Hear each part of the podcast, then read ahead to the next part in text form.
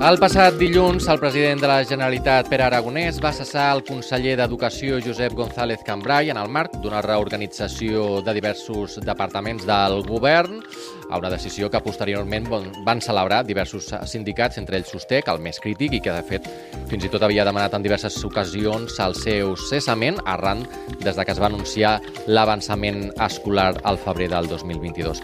L'exdiputada d'Esquerra Republicana al Parlament de Catalunya, Anna Simó, és l'encarregada d'agafar les regnes d'aquest Departament d'Educació. Avui en volem parlar i aprofundir amb el nostre primer convidat. Saludem a Jorge Fernández, membre de la secció d'ensenyament de la CGT al Camp de Tarragona. Molt bona tarda. Hola, molt bona tarda. Moltes gràcies per convidar-nos. Senyor Fernández, si li sembla en primer lloc, doncs, eh, com van rebre vostès des del seu sindicat doncs, aquest anunci, aquest cessament? Eh, bueno, és una notícia una mica agreolsa, crec que també necessitem mm, una mica de, de victòries i, per tant, celebrem eh, el cessament d'aquest conseller, que ha sigut un dels pitjors consellers, eh, sobretot per les polítiques aplicades i per les maneres de fer. No? Eh, jo crec que ens hem de felicitar una mica a totes les treballadores d'educació per la pressió que hem fet, perquè sense aquesta pressió això no s'haguera produït.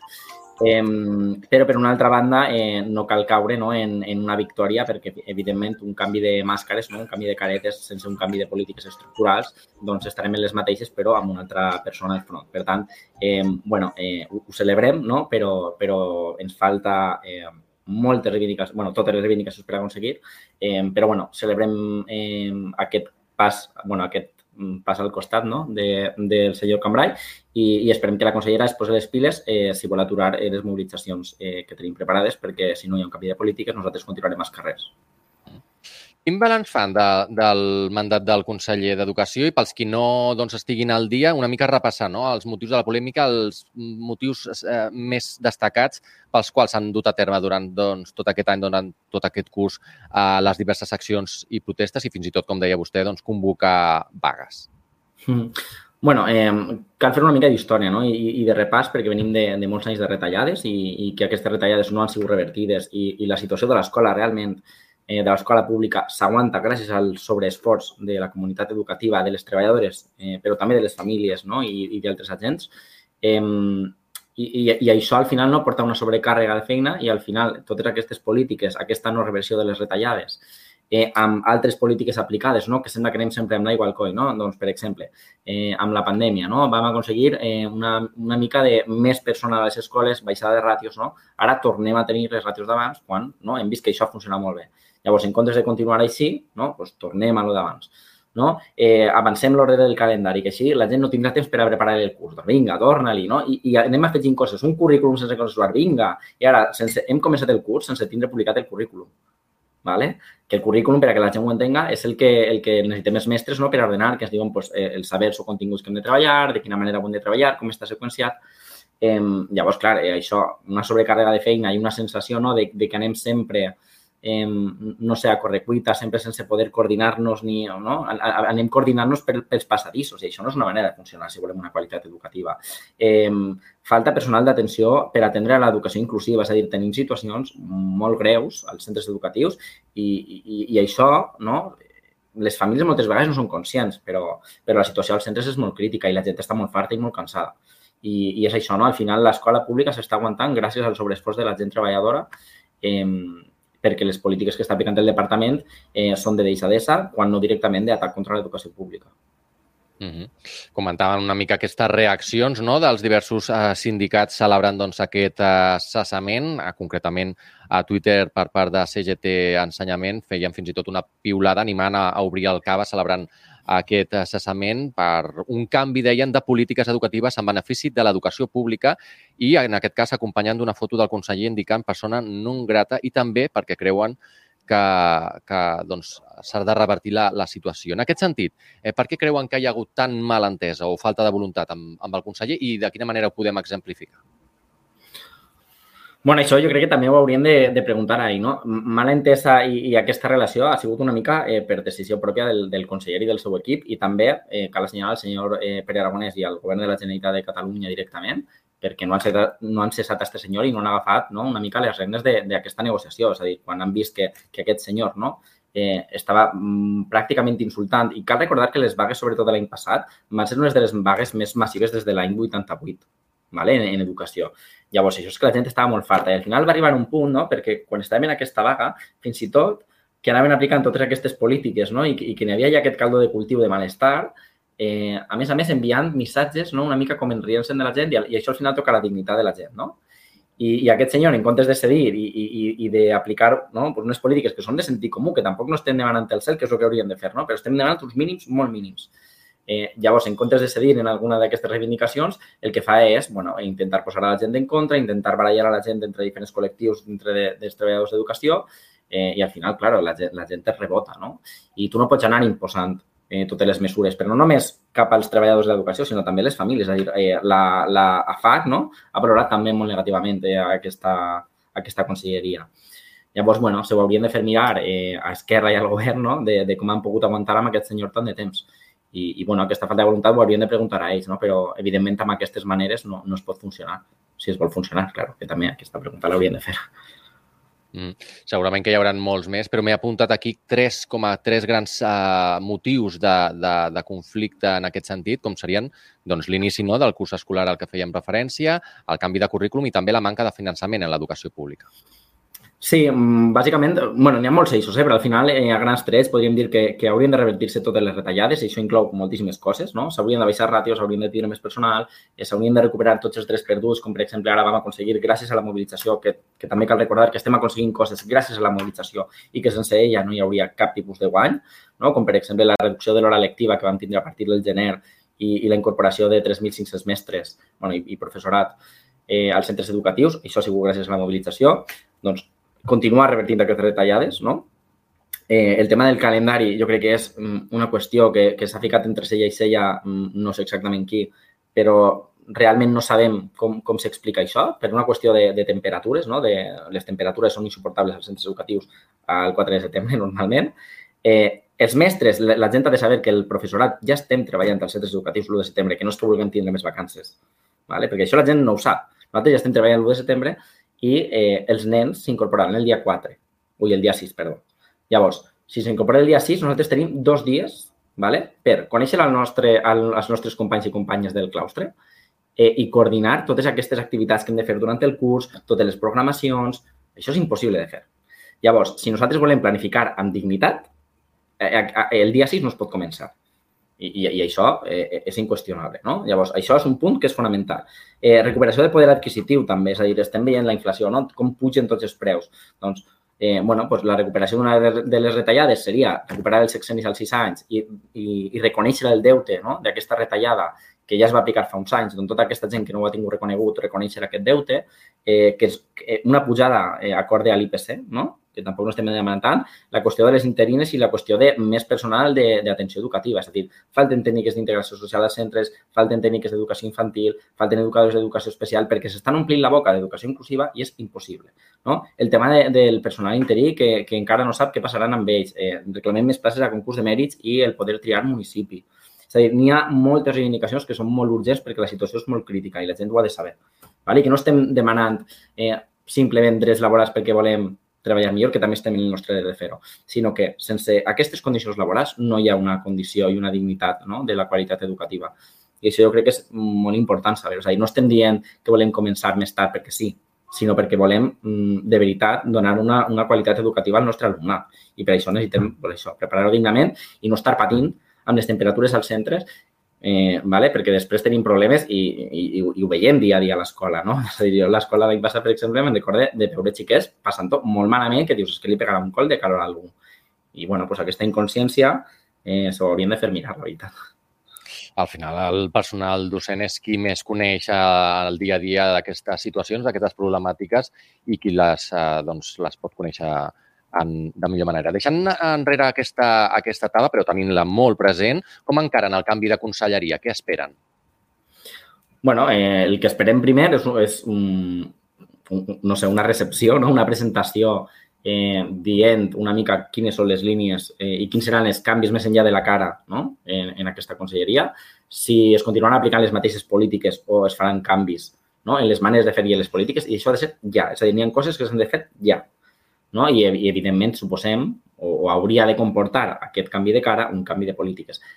El que nosaltres pensem és que això no es produirà, és a dir, no, no és Cambrai o Simó, No? És a dir, la política d'Esquerra Republicana és una política neoliberal cap a l'educació pública. No? I ho veiem doncs, en, en com estan intentant privatitzar, en com cada vegada tenim menys drets laborals, no? I, i això no és una qüestió de qui estigui al capdavant, però bueno, eh, si hi ha bona voluntat d'aquesta persona que acaba d'entrar i del seu equip, doncs, bueno, eh, poden començar a seure, poden començar a revertir les retallades i llavors nosaltres veurem eh, i actuarem en conseqüència. No? Però, evidentment, si no hi ha canvis, nosaltres també continuarem amb la nostra línia de reivindicar eh, als carrers i a les aules si ho faci falta. En aquest sentit, no sé si hi ha hagut ja oportunitat de poder establir algun tipus de, de contacte o d'establir alguna reunió, alguna trobada. Jo ho desconec, eh? ara mateix mm, diria que no almenys eh, amb nosaltres no ha posat en contacte. No sé si amb alguns companys de Barcelona això ho hauran comentat, però en principi jo no tinc constància, de moment. En principi, les vagues convocades es mantindrien, no? Comentava. Sí, nosaltres eh, com a CG d'ensenyament al, bueno, a, a tot Catalunya val? hem fet assemblees als diferents territoris i hem convocat eh, la eh, vaga per al dia 6 de setembre, val? això ho tenim claríssim i aquesta vaga no es desconvocarà si no s'adrena a totes les reivindicacions que tenim a la plataforma, és a dir, hi haurà un inici de curs molt mogut, ¿vale? I, per tant, eh, també des d'ací instem a la gent a organitzar-se als centres per a mm, poder fer possible aquest inici de curs calent i, sobretot, no, eh, intentar guanyar aquesta vaga abans de que es produïsca.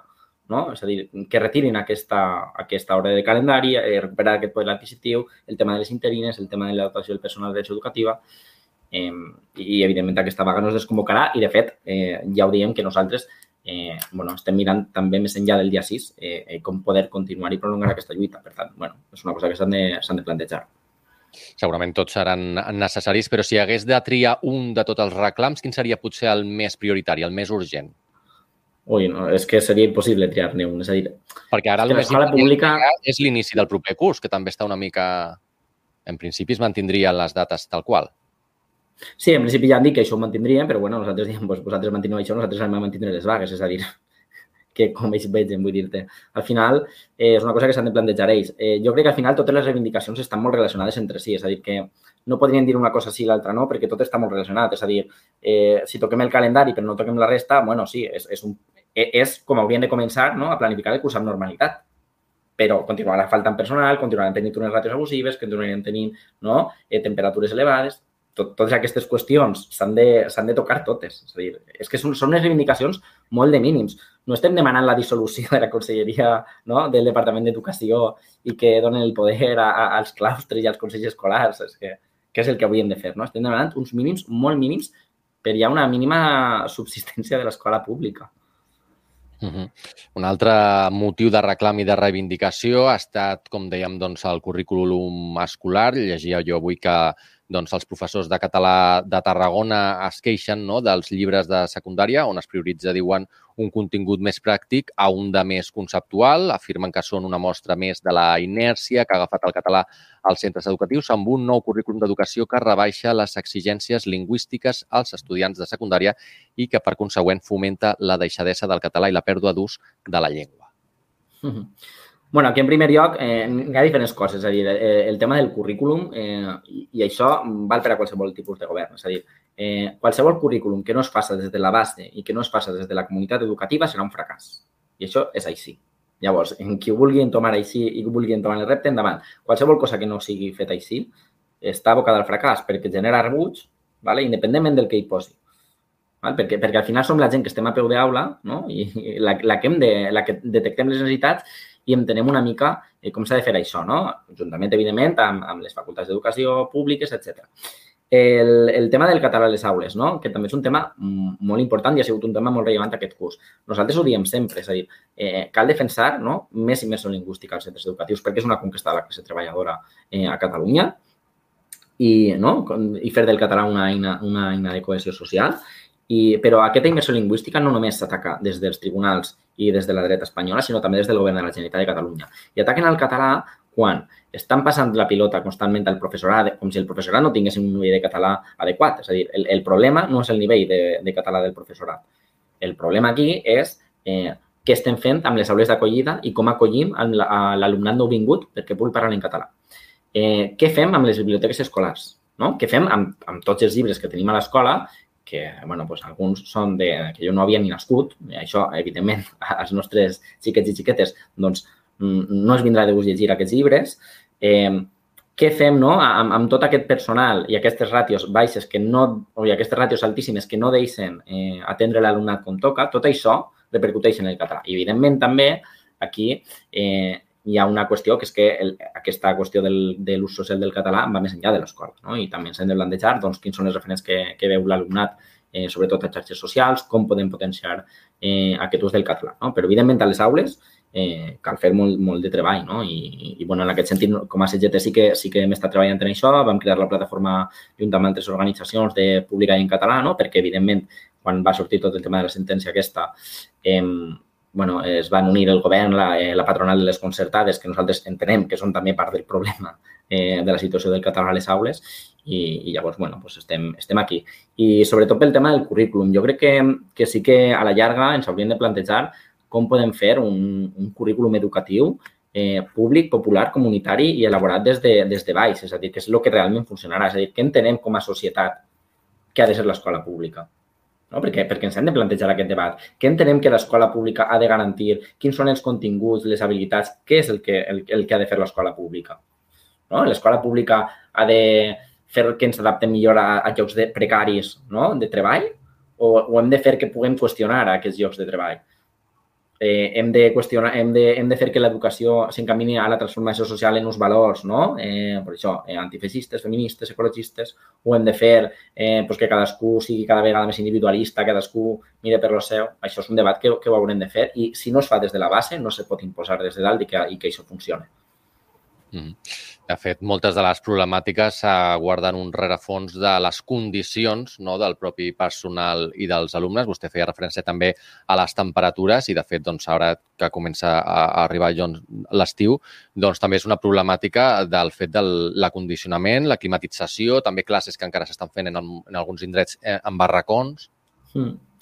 Sí, eh, aquí diverses qüestions. És a dir, que els centres no estan eh, aclimatats no? i acondicionats per a aquestes temperatures ho tenim cada vegada més clar i això s'haurà de fer, eh, jo crec que cada vegada més urgentment, sobretot pel canvi climàtic, s'haurà de fer una revisió i un acondicionament dels centres, sobretot també els centres de nova construcció, jo crec que s'han de plantejar una mica eh, pues, d'una altra manera, no? Eh, veiem centres que són tot ciment, que no hi ha arbres, que no? A banda de, per això, eh, l'única ventilació que tenim són finestres, no? I, i evidentment, pues, està bé, però, però, claro, per les temperatures que estem tenint i cada vegada més i cada vegada més aviat, doncs, bueno, eh, ens ho hem de fer mirar, no?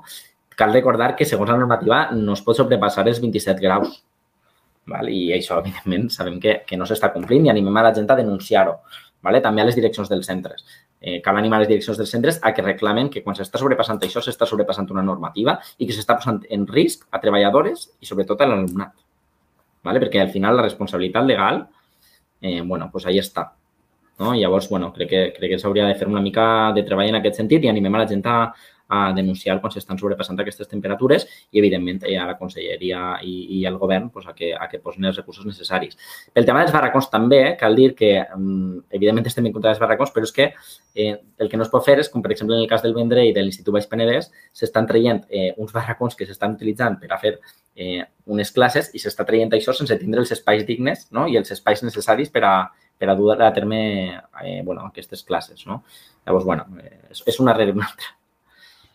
De fet, estarem molt atents a com evoluciona tot plegat, tenint en compte també doncs, aquestes vagues que tenen convocades a, coincidint amb l'inici del proper curs escolar i esperem doncs, que aquest canvi de conselleria també suposi un canvi i unes millores que fa temps que estan, que estan reclamant. Jorge Fernández, membre de la secció d'ensenyament del CGT al Camp de Tarragona, gràcies una vegada més doncs, per haver-nos acompanyat aquí. Molt bé, moltes gràcies i si es pot, eh, que la gent vagi a les manifestacions de Reus el dissabte per, perquè, bueno, perquè necessitem una societat antifeixista si cal parar els peus a l'altra-dreta i ens veiem també el diumenge a Tarragona per aturar bueno, la bogeria de, de Hard Rock, que a més avui han sortit noves publicacions, com heu, com heu comentat abans, que estava el company Eloi no? comentant una mica aquesta notícia. Gràcies. Queda dit, senyor Fernández. Moltes gràcies. Que vagi molt bé. Fins la propera. Adéu.